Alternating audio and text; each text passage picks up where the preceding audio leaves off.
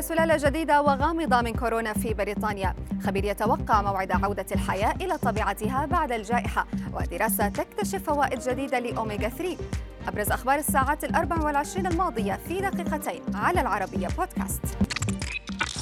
يبدو أن فيروس كورونا مصر على تطوير نفسه كلما اقترب العالم من محاصرته. هذه المرة سلالة غامضة جديدة ظهرت خلال الأيام القليلة الماضية في بريطانيا وأصابت 16 شخصا على الأقل حتى الآن بحسب وكالة الصحة العامة في إنجلترا.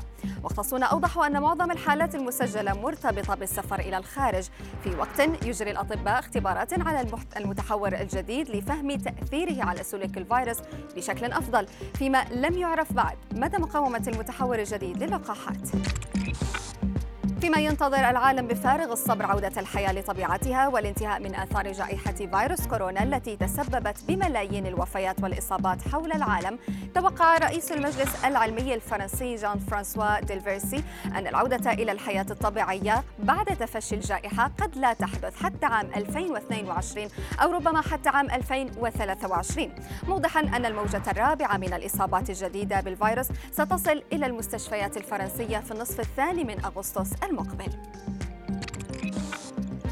من موعد نهاية الفيروس إلى سبل مواجهته حيث تتوالى الأخبار المحبطة بشأن لقاح جونسون جونسون المضاد لكورونا.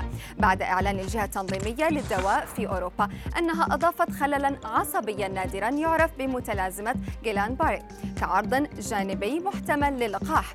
جاء ذلك بعد أيام من تحذير وكالة الغذاء والدواء الأمريكية حول ازدياد خطر الإصابة بهذه المتلازمة. لدى أشخاص تلقوا لقاح جونسون جونسون. وبعيدا عن أخبار كورونا اكتشفت دراسة حديثة فائدة جديدة للأحماض الدهنية الاوميجا 3 التي ينصح الأطباء عادة بإضافتها إلى النظام الصحي والمكملات الغذائية لفوائدها الكبيرة على الصحة. الدراسة وجدت أن الاوميجا 3 فعاله في تخفيف الصداع النصفي بسبب جزيئات فيها يمكن أن تخفف الأحاسيس المؤلمة في جميع أنحاء الجسم.